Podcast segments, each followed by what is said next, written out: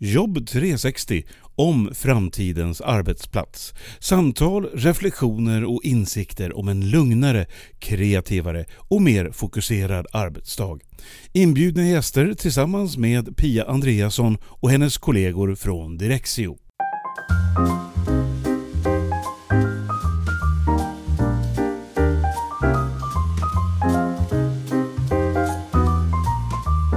Nu ska jag iväg för att träffa en person som har varit med i podden tidigare. Och det är Lena Lid Falkman. Hon är forskare på Handelshögskolan med kontor som specialitet. Och det ska bli jättespännande att få prata med henne igen. Hon har faktiskt angett ett eget önskeämne och det var lite speciellt faktiskt. Så att eh, lyssna vidare och hör klokskaperna från Lena Lid Falkman.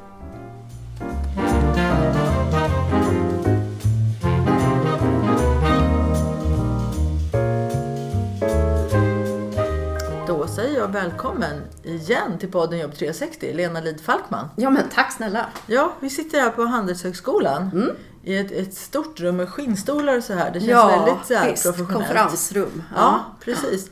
Och eh, den här gången har du valt ämne och du ville prata om medarbetarskap och motarbetarskap. Och det där tänkte jag att det där hugger jag ju på på en gång Ja. förstås. Det lät jättespännande. För Ja. att du, du forskar ju mycket inom, inom kontor, hur människor är, vad de gör, hur det funkar och så. Ja, precis. Jag har ju ägnat mig nu i tio år åt att titta på hur teknik förändrar hur vi arbetar och samarbetar och leder och lever.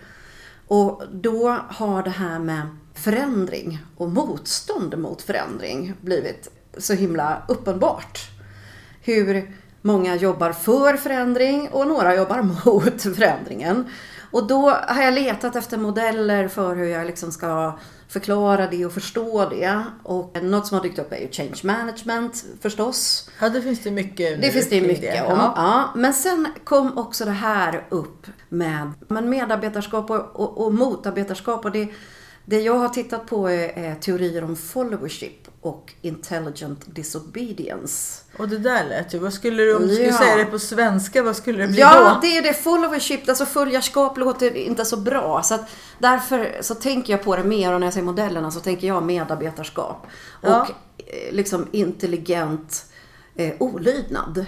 Vad är man beredd att ställa upp på? Vad, Ja, vad, vad är man beredd att ställa upp på så mycket så att man också, som du sa, intelligent och olydnad. Om jag ser något som är tokigt Ja. så, så säger jag till istället för att bara låtsas som ingenting. Nej, precis. Mm. Och, så jag har gått på kurs och fått eh, certifikat. Jag tror att jag är ensam i Sverige om det här certifikatet. Oj! Ja, eh, hos en man som heter Ira Shalif som ägnat sitt liv åt just det här med liksom dansen mellan ledare och följare. Och han har ett, eh, skrivit böcker och eh, det jag tycker är mest spännande i hans arbete det är det här med intelligent olydnad.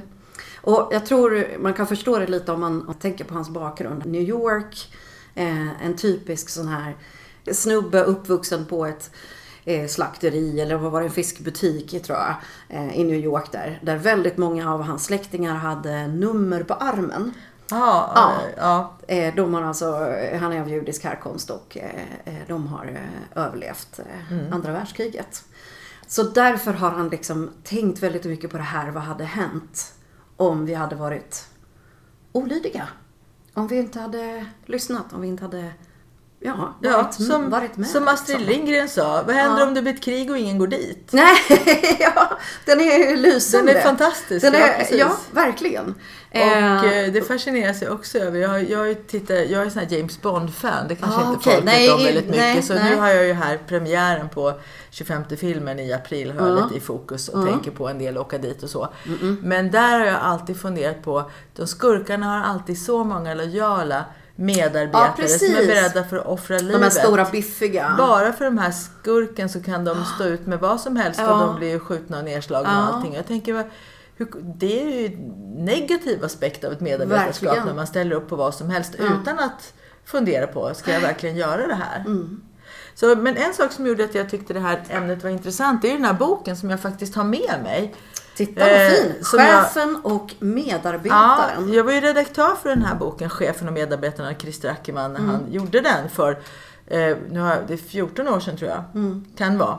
Eh, något sånt. Eller om det är 12. Vi får se. När man är så gammal som vi då, då kan man inte räkna så noga. Nej. Men om du tittar nu så står det chefen och medarbetaren på den här Mm. boken som jag håller upp för dig och då är medarbetaren i fetad stil. Men nu bara Precis. vänder jag på den. Upp och ner.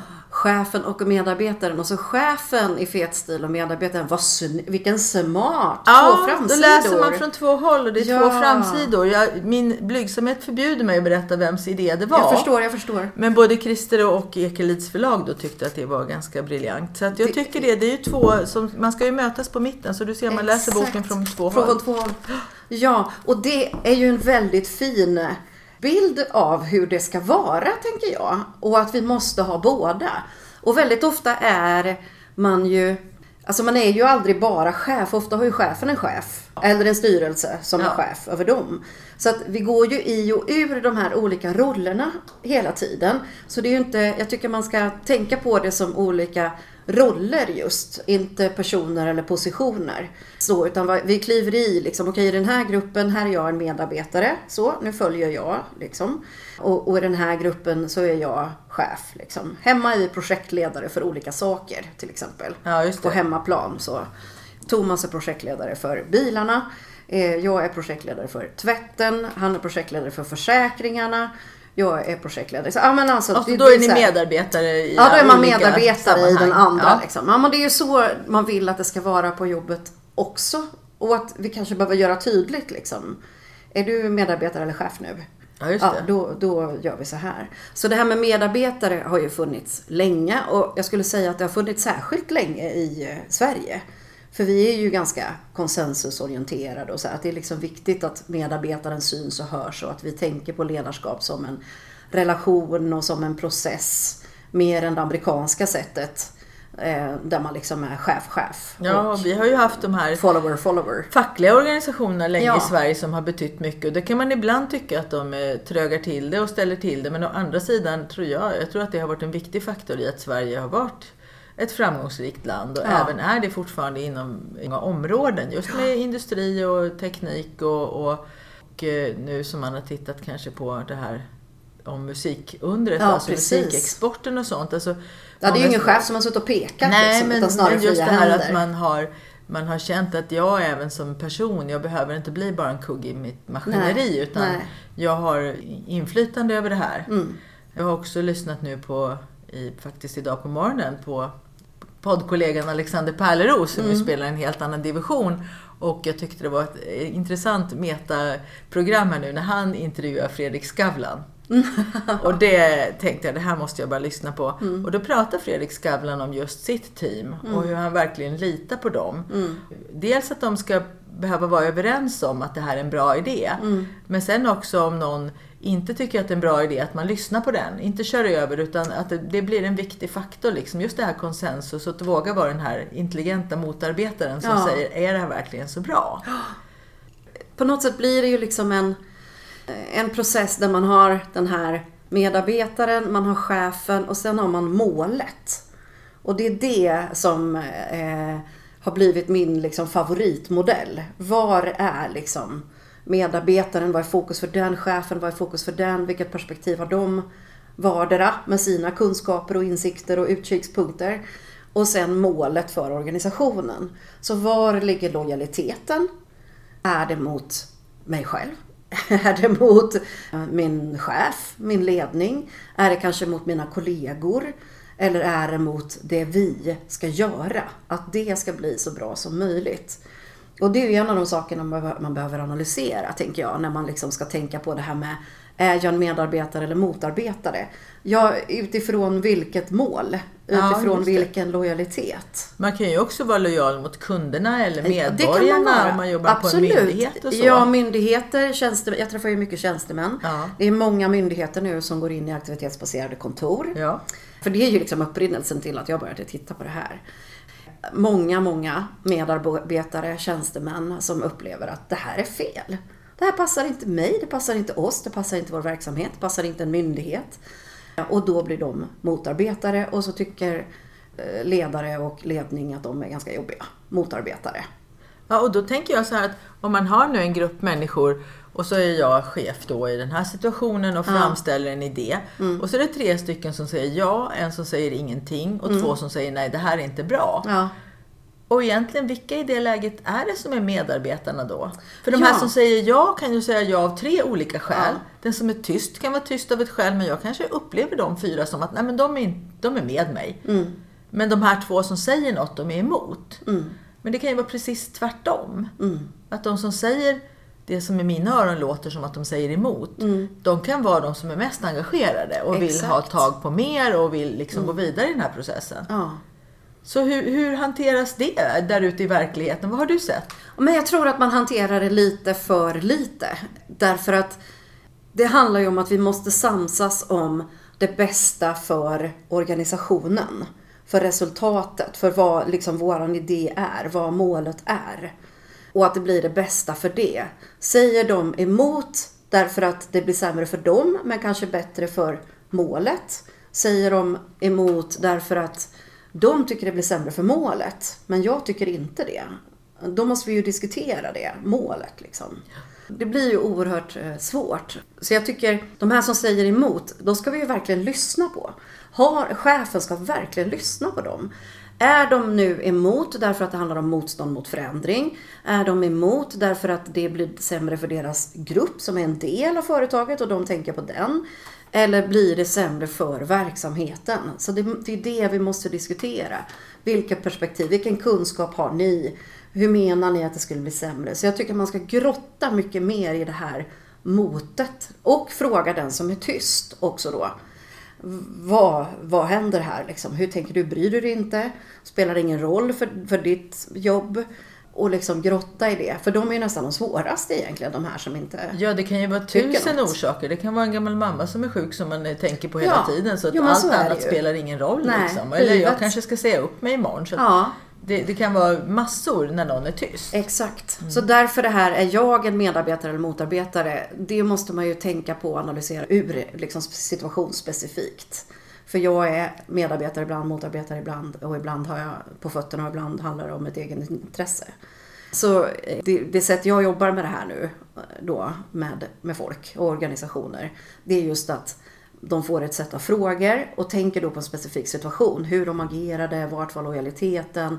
Och då hamnar jag vid liksom lojaliteten, man hamnar i en fyrfältare då förstås. Ja, ja såklart. Det, Såklart. Jag älskar Fyrfältare. Ja, jag med. Jag tycker de är så bra för tanke, Ja, de är så tankeverksamheten. bra. Och då hamnar man där så här, är jag liksom en idealist, är jag en partner? Och det är partner man vill ha.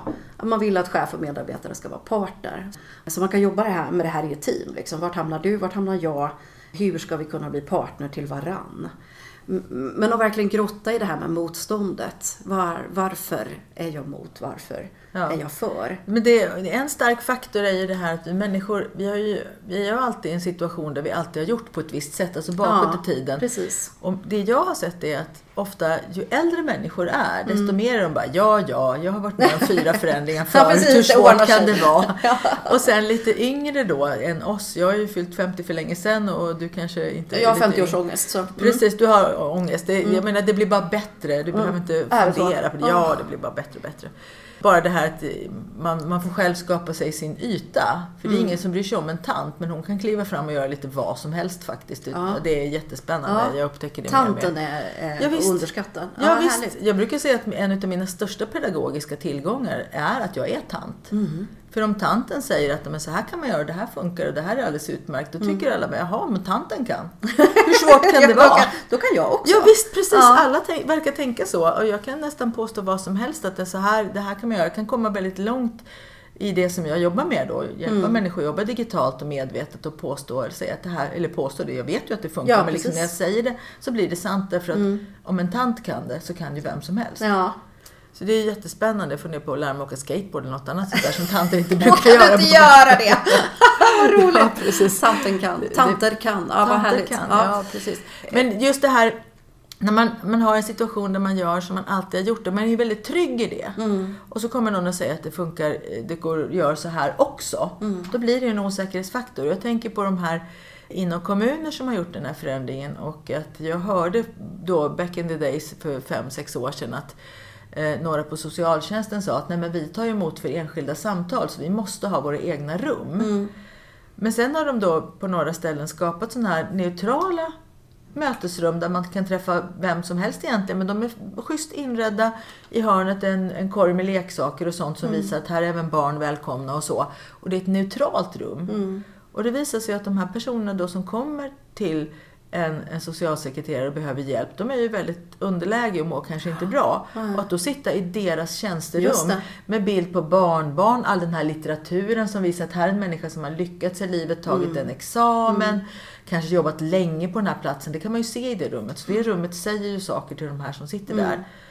Men det hade ju de här socialsekreterarna inte tänkt på. De såg att vi har ett behov av ett enskilt rum. Mm. Och det enda de såg var ju sitt eget, för så hade det ju alltid varit. Precis. Men sen när de får det här andra rummet Mm. så märker de att det gör ju också någonting. Mm. Så att rummet levererar någonting till oss. Men det kan man ju inte tänka sig i förväg. Nej, man kan ju inte det och det måste man ju prova. För sen är det ju så att vi måste prata om motarbetarna som alltid är motarbetare och som alltid krånglar. För sådana finns ju också och det är kanske inte de jag tänker på liksom primärt, men sådana finns ju. Som motarbetar allt Ja, bara som för motarbetar att. allt Nej, bara de- för att. Och liksom, de är få, de kan ja, vi de är få. räkna bort men jag kanske. fattar att de utgör ett väldigt problem för chefer. Jag har eh, coachat en chef som hade just en sån. Och det, det är ju helt hopplöst. Alltså, ja men vi måste göra så här om vi ses för annars så trivs inte jag och tänker inte jag gå. Nej, då gör vi så, så att det passar dig. Då var det något annat som var fel. Alltså det finns ju människor. Men att det finns motarbetare. Ja, men att det finns... men det är ju inte, det är ju inte dem vi pratar om Nej, nu. det är utan vi pratar om oss alla. Jag är motarbetare ibland, jag är medarbetare ibland. Frågan är varför är jag motarbetare? Vilket perspektiv har jag? Och det är det jag behöver få syn på. Och min chef också. För vad är det chefen ser när de vill springa in i ett aktivitetsbaserat kontor och ledningen? Vad är det de inte ser? Och det är ju det vi behöver diskutera. Hur ska vi få det att funka liksom för alla grupper? Och är det här, det blir sämre för en grupp men det blir bättre för alla andra grupper. Ja men då kanske det är så det är. Att då får vi köpa det här läget liksom och göra det bästa av det. Men vi behöver diskutera det och inte låtsas att det blir bra för alla. Så det blir, jag tror att det här kan vara ett jätteviktigt verktyg i förändringsprocesser. Och sen kommer ju den här tanken om att ibland kan vi inte liksom vara ja-sägare utan faktiskt Ja, hade vi krig och ingen gick dit skulle det inte bli ett krig. Nej, Den precis. tanken. Och det bästa exemplet jag har det är eh, ledarhundar. Jaha, oj! Ja, ja, nu, ledarhundar, ja. Nu vart det spännande. Ja, hur, kom, hur kom hundarna in här? Jo, så här. Att vi tränar ju ledarhundar, som blindhundar till exempel. Eh, vi tränar dem i ett par år. För att lära dem alla kommandon. De ska ju sitta, gå, gå fot, eh, kunna massa saker. Hämta grejer, tända och släcka ljus. Ja men massa grejer som Ja. de ska lära sig. Sen så måste man träna dem i att inte lyda. Och förstå när de inte ska lyda. Om en person med eh, funktionshinder så att de inte kan se står med sin hund vid ett övergångsställe. Övergångsstället blinkar grönt och personen säger gå. Fido, gå. Fido ser en bil komma i hög fart. Och det ser inte ut som att bilen tänker stanna. Ser inte ut som att bilen tänker stanna, vad gör Fido då? Då går inte Fido. Nej, Fido ska vara en motarbetare för han ska ju vara smart. Och rädda sig själv och sin människa och inte lyda. Det är spännande. Det är Inte det ens- som är inte intelligent ens- olydnad. Inte ens blindhundar ska lyda blind. Nej! Det är det du säger. du var du är rolig. Jag har varit i. Göteborg i helgen. Det smittar. Nej men alltså visst är det det är ju en så himla bra bild tycker jag av det här vi liksom ska göra. Och det är ju härifrån Lex Sara kommer tänker jag. Alltså Sara Wägner som eh, och vi har ju fler exempel, särskilt inom vården faktiskt. Såna här Där man- visselblåsare ja, som ser visselblåsare. saker det här funkar ju liksom inte så här, kan vi ju inte ha det. Jag har ju ett utmärkt exempel på det här och det är Anders Kompass. Eh, svensk, lång tjänst inom FN som eh, fick in rapporter om eh, hur övergrepp gjordes eh, av FN-soldater ute i fält. Och han rapporterade det här vidare och det tystades ner från högre ort. Och han fortsatte att protestera och visa på det här. Det slutade med att han fick sparken slash lämna Men det här var ju... Han var tvungen för att inte gå över sina egna värderingar att rapportera om det här och bli av med jobbet på köpet. Vi har Inga-Britt Lenius som jag vet har fått utmärkelser som Årets ryggrad och så. När hon har protesterat mot sånt som hon har tyckt varit uppenbart fel.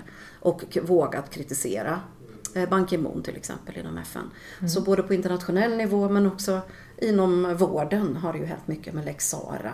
Ja. Där man har protesterat och varit en intelligent gjort intelligent olydnad. En intelligent, för att det varit, ja. Ja, för att intelligent motarbetare, alltså man ja. tänker på sina värderingar, man är förankrad i någonting. Ja. Och det kan ju handla att man är lojal mot kunderna, kanske upptäcker man någonting fel på en produkt och, och då ska inte kunderna behöva köpa den här. Nej.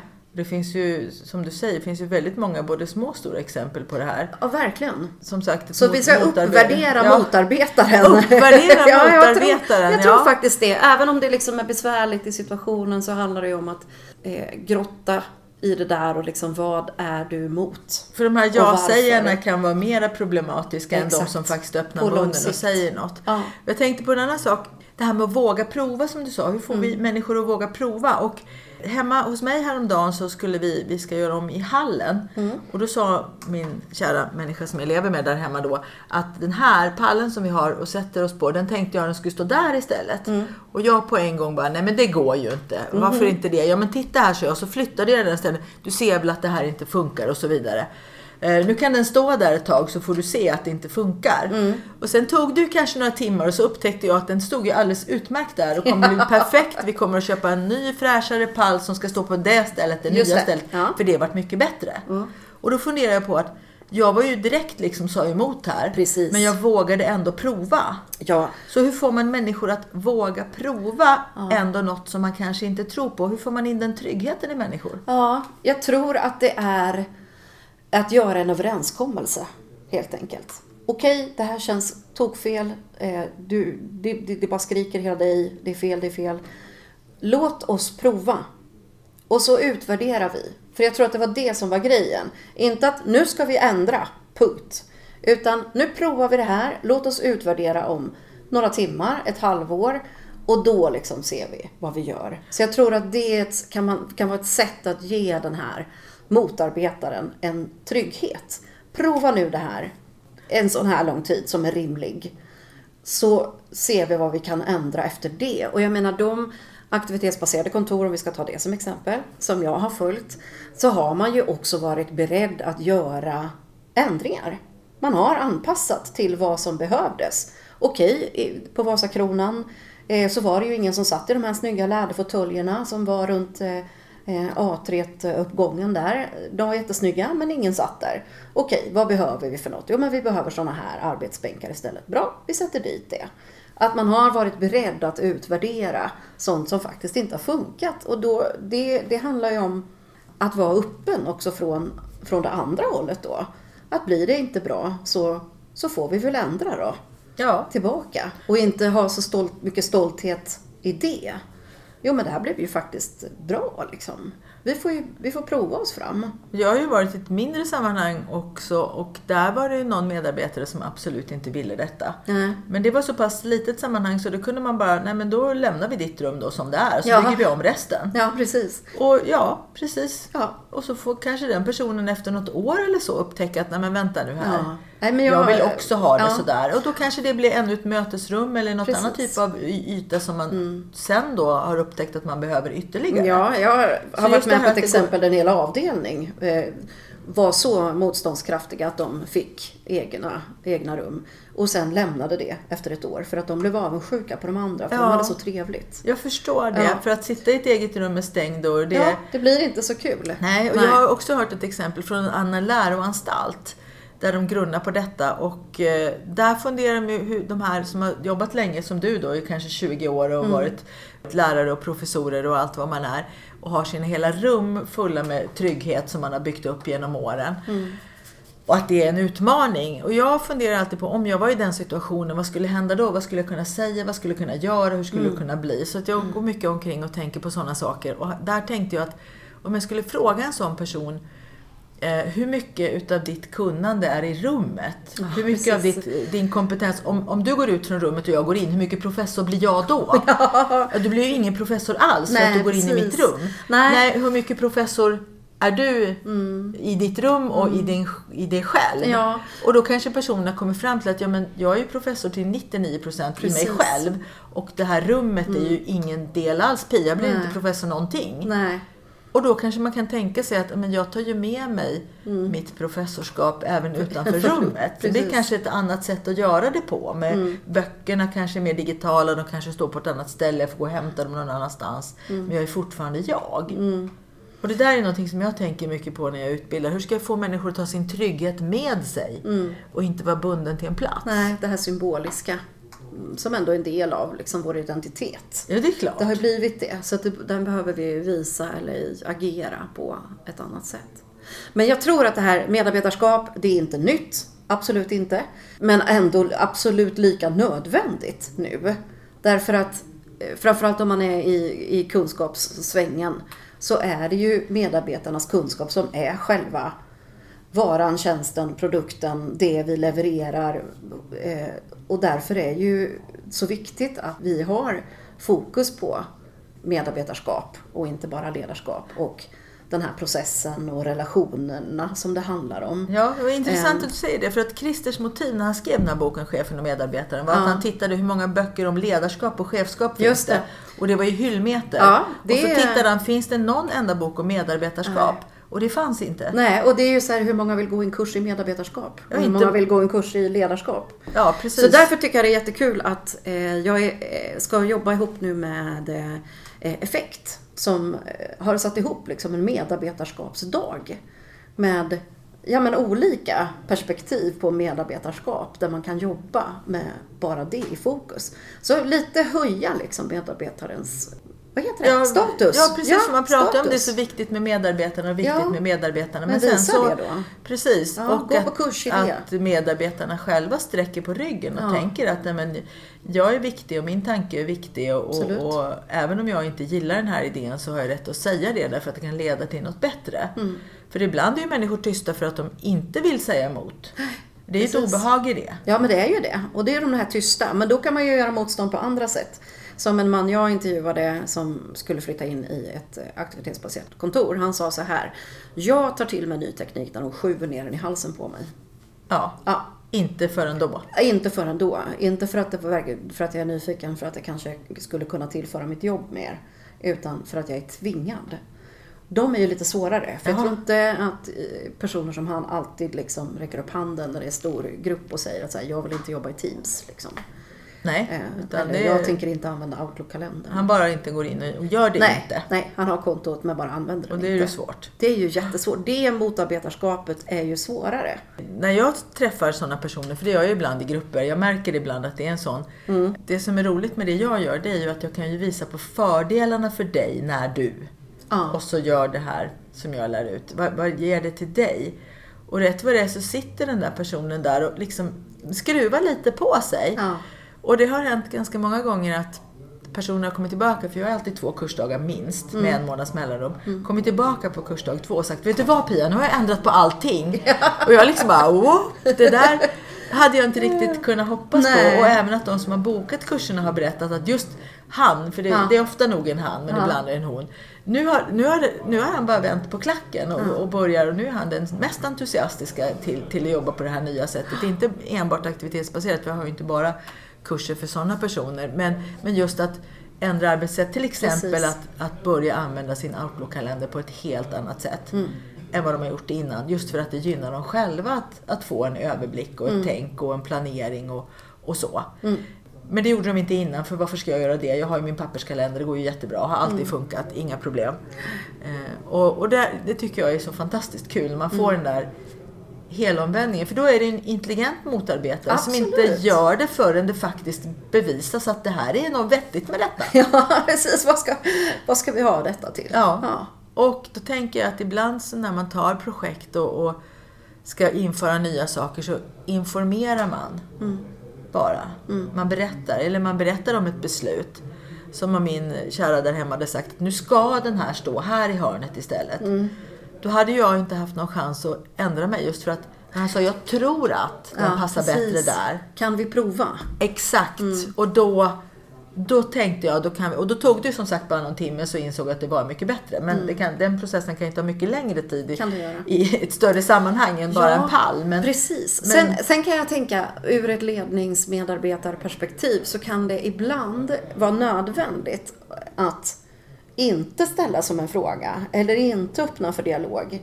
Därför att de är ju, ni lever ju förhoppningsvis i en demokratisk, eh, liksom, att ni Absolut. bestämmer saker tillsammans. Absolut. Och så ser ju då inte myndigheter eller eh, regioner eller företag ut. Utan ibland är det ju faktiskt ledning och ledare som bestämmer saker. Och då, då kan man liksom inte öppna upp för den. Vad tycker ni? Vad vill ni? Om man inte är beredd att höra svaret. Har vi bestämt att vi ska nu göra så här eller vi ska ändra på det så här.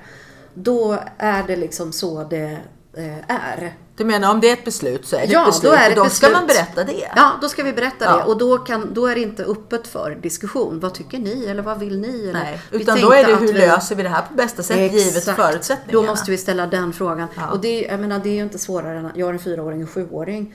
Fantastiskt eh, underbara och jobbiga barn med mycket vilja. Och jag får ju tänka mig för hela tiden för att inte alltid vara artig och trevlig mot dem. Och ställa saker som frågor. Vill du äta mat? Nej, precis. Nej, Nej. nu är det mat. Ja. ja. Jag brukar kalla det där för ostmacka skinkmacka pedagogiken. Det Ja. skrattar mina barn åt. Eh, jag vet att du behöver äta, men Ja. du får själv bestämma om du vill ha en ostmacka eller en skinkmacka. Precis, vilken av de här två tröjorna vill du ha på dig nu? Inte så här, vill du ha en tröja på dig? Nej. Nej. Utan man ställer frågan på rätt Exakt. nivå givet förutsättningen. Ja, låtsas inte att det finns medbestämmande om det inte finns. Nej, det är väldigt klokt. Mm. Och, eh, vi ska snart sluta det här samtalet, men jag tänkte ta en minut här på slutet och faktiskt ge dig en present. Men du får inte Åh. berätta vad det är. Nej, okej. Därför att de som lyssnar på det här programmet ska Ja. få chansen. Om man vill mejla in till mig och vill ha samma present som du Ja. så får man göra det. Vad Och då smart. tänkte jag faktiskt, jag har tio stycken sådana här hemma som jag tänkte skicka iväg. Ja. Och jag tänkte att jag kollar här, det här programmet ska ju läggas upp på podden den 2 december 2019. Mm. Och eh, fram till julafton då så tänkte jag se om det kommer in några mejl från människor som vill ha en sån här. Skulle Ja. du tycka att de ska mejla in? då? Jag tycker att de ska mejla in för att det här har så många användningsområden och storleken är så himla bra. Ja. Och nu i december tänker jag att man behöver sådana här. Ja, liksom, eh, Ganska mycket. Och, ja, men väldigt praktiskt. Tack så Bra. mycket Pia och tack Så- för att jag fick vara med och prata om medarbetarskap och motarbetarskap idag. Ja, tack. Och mejladressen finns ju på, på hemsidan. info.direxio.se om man vill göra det enkelt för sig. Jag kollar på den mejlen varje dag. Eller pia.andreasson.direxio.se. Tack! Tack!